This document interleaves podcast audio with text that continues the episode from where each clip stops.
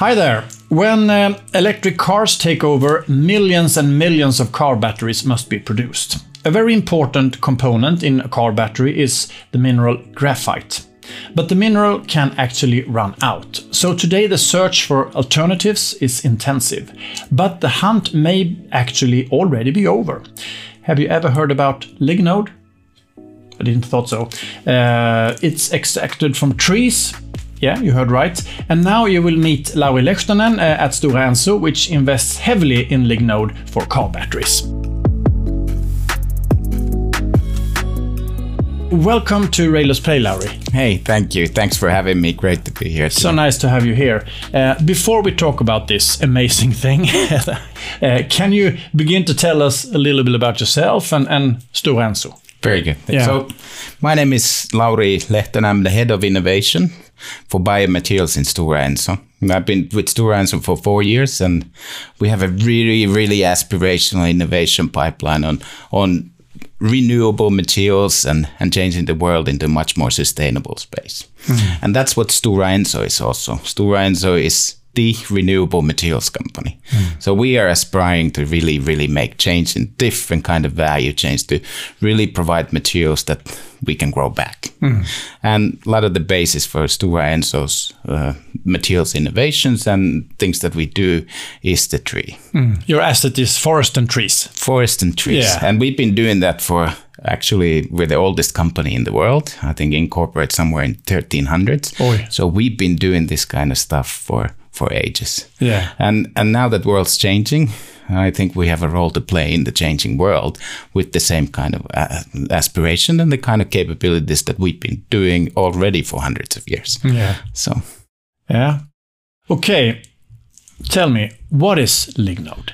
So great question. So you mentioned earlier graphite. We need we need a lot of materials. Uh, batteries need graphite and so forth. So lignode is a replacement for graphite. So there's a thing in in trees called lignin. It's about thirty percent of of of every tree, and what lignin is, it's it's very high in carbon content. And what graphite is, it's 100% carbon. Hmm. And what batteries need is they, we always hear talk about them in batteries, we mostly hear talk about the metals hmm. like nickel, cobalt, lithium, and so forth. We seldom hear to talk about the other side of the battery, which is the anode side. And that's all carbon. And that carbon today is coming from graphite. What we have done with Lignode, we have basically created a way to take lignin out of trees in large quantities and enrich the carbon into replace the graphite in the anode in those batteries. So you can replace it 100%? You can, it's your choice, uh, and and the choice comes from the fact that it's it's it's got performance characteristics Yeah. that change the battery's performance, and it's your choice how much you want to replace or you want to play, replace it hundred percent.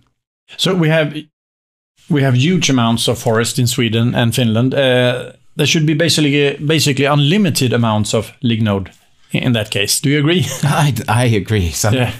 So so somebody estimated that uh, the demand for for graphite within the next ten years would be somewhere around four million tons. yeah. So we've estimated that uh, how. So let me tell lignin. Uh, we we pulp trees already as as as business. So what we do is we take trees and we dissolve the trees and we take cellulose fibers out of those, and they those cellulose fibers go into essential products like diapers and tissue and mm. things that we need in world and everyday lives. And we've been doing that a lot.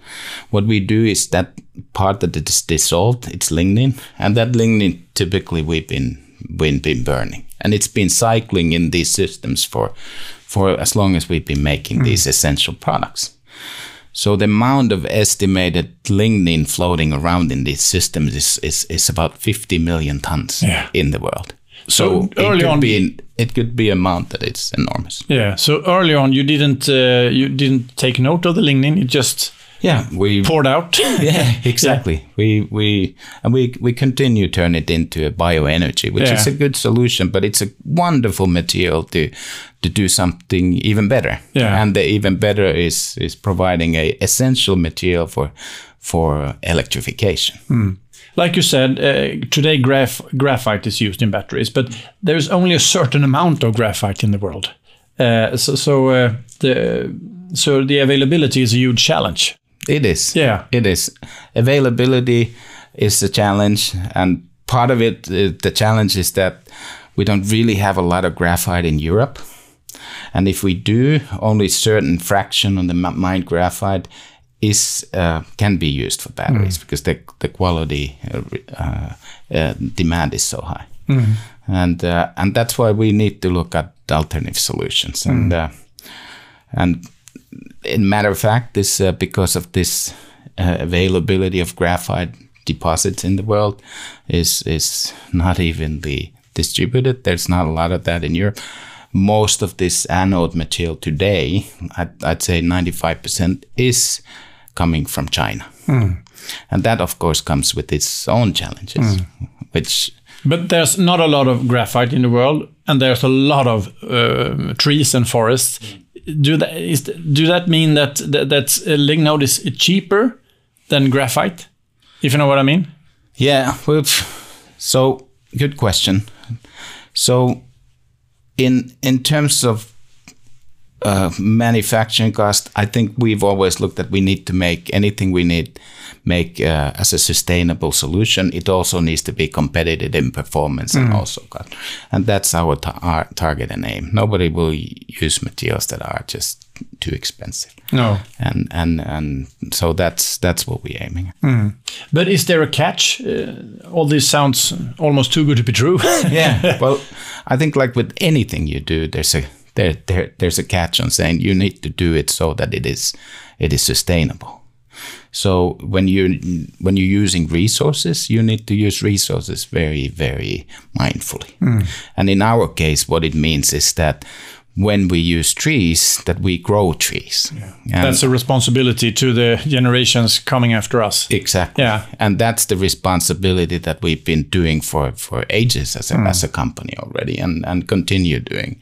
But as a society in Scandinavia, that's really, really important for us. Hmm. And that every tree that we, we use, that we plant a couple more. Hmm. And we, we do that.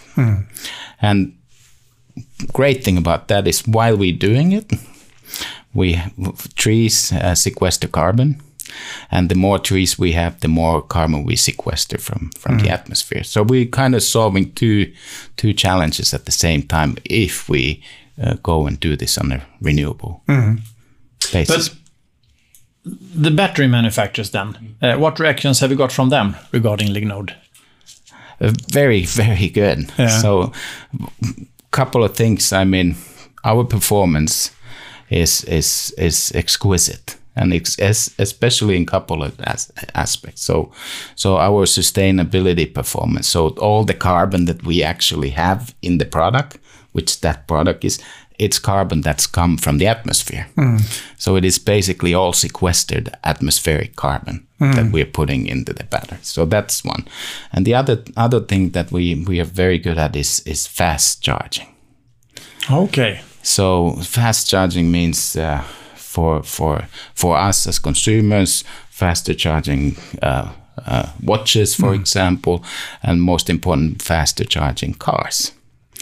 And when you go in the faster charging world, you start looking at can I build material efficiencies by saying instead of making everything so big that I that can drive thousands of uh, kilometers, you say I make things smaller, more efficient, and and charge them just faster. But are they ready to replace uh, graphite with uh, lignode? Yes, they are ready. And uh, in matter of fact, the lignode is in a classification of hard carbons, and uh, hard carbons as as as technology is not new.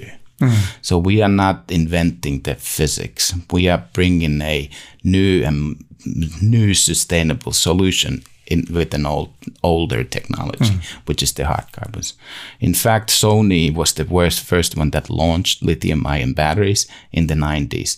It was all done with the hard carbon technology mm. that we bring in, mm. bring into the market. But the timeline, let's discuss it a bit. Uh, how far have you come in the process, and, and when can you start using Lignode in, in car batteries in a larger scale, do you think? So today we're in a in a demo pilot scale. So we are we are sampling customers uh, according to the qualification processes, and uh, and uh, we need a, a big factory, of course, to, to supply significant quantities. Mm. And we are currently in a design phase of that factory based on our pilot. Mm. Pilot, and, and we will soon be making eventually decisions on when to build that okay. that first factory. And usually, but is it in the near future? Or is it ten years ahead? Or no, we, are talking about in the near future. Yeah. And we've been openly communicating uh, that we we want to be on the market supplying this in 2025. 2025. Okay. Yeah. So That's we're not talking about a two long... years from now. Yeah. So, yeah. Yeah. Oh, exciting. Uh, but today, uh, like you said, you have a small pilot factory and you're building your own factory. But do you have competitors? Yeah.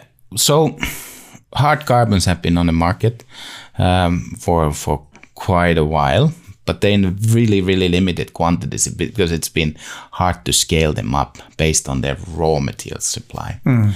So we we don't have a, we don't have a huge amount of uh, competition. Um, we've spent a, quite a bit of time on technology development ourselves to do this from lignin, mm. and uh, today we don't we don't see anybody working working this approach mm. from from lignin. But like anything in the world, uh, good ideas uh, uh, spread, and and of course, in in a in a good world, uh, everything needs to be done by several players, mm. and that's what, of course, the of the of course our customers will eventually, in the long term, mm. ask for have to have second supplies. Mm. But let's say that your your uh, bosses uh, say, "Okay, Larry, let's go for this 110 percent." Yeah, yeah. Uh, do you think that will happen? That Stora Enso is ready to to put down a lot of money, a lot of energy in this to to to manufacture this in a really large scale? Yeah, well, if it's uh, possible. Yeah, so we've been openly talking about this, mm. and if you look at our investors, uh, they we, we have aspiration to be a significant producer of mm. active anode materials in the market. We've been talking about a, a range of 80 to 100,000 tons of production. Yeah. And with the, with the name of, of uh, getting to a significant sizable business, which is meaningful for Stora Enso. That, that we've been bullishly openly talk, mm. talked about. And not me, but my, my, our, our CEO, for yeah. example. But is it just uh, car batteries, or can you use Lignode for other type of batteries? Yes, it is basically anything that's uh, lithium-ion batteries, and those are used in all kinds of applications, mm. ranging from this to energy storage solutions. Mm. So energy storage is coming big now. It's, yeah. it's it's it's probably the projections are going back and forth, but uh, if you if you look at the most bullish ones, I mean, this is going to be significantly bigger, most likely than EVs as mm. energy storage. Mm. And it's driven by the fact that we are need, as a society, we need to move to renewable energy sources. Mm. And to do that, probably you need to store that energy somewhere. Mm. there is no better better technology today in many applications yeah. than batteries. But is your priority right now car batteries, and then you can move on to other types we, of batteries, we, or energy we, storage, or something like we that? Are, we're working with all all all the solutions. We're, so we're pretty agnostic on this, mm-hmm. and we let the, the, cell manufacturers and the and the customers customers to decide where they want to put this in in, in first. Mm. And last question, you mentioned it a bit earlier, but but you said that you have a great responsibility for our coming generations, and and you need to plant trees and you need to grow forests and so on, because otherwise we have no forests. Yeah. but but uh, you're willing to take that responsibility. It 110 percent. 110 percent, and yeah. it's that responsibility as a company. It has been there. I mean, we will Stora Enso will not have a business model in the future if we don't do this and mm. it would have never had it if we hadn't done it for for ages. In fact, as a as a society in Scandinavia, we've been taking that so seriously that we've establish laws. We mm-hmm. have a, a forest uh, renewable laws mm-hmm. that that that are in place to, for forest owners, and forest owners have been obli- obliging to those uh, for for ages already. Mm-hmm. So that is uh, that I think that's in the heart of the culture of of, of where we are, and that that pledge we have uh, also as a company. I need you to promise me something. Yeah. Uh, around 2025, if we're uh, still here. Uh, can you please take me for a ride in a car uh, with the Lignode battery? Good. Yeah? Do we have a deal? you. We have a deal. Yeah. Very good. Thank you. Lovely. It was very nice to meet you. Uh, and uh, good luck, best of luck. Thank you. And um, thank you for be, being here in Railers Play. Great to be here. Thanks. Du har lyssnat på podden Nytänkarna med Jesper Börjesson.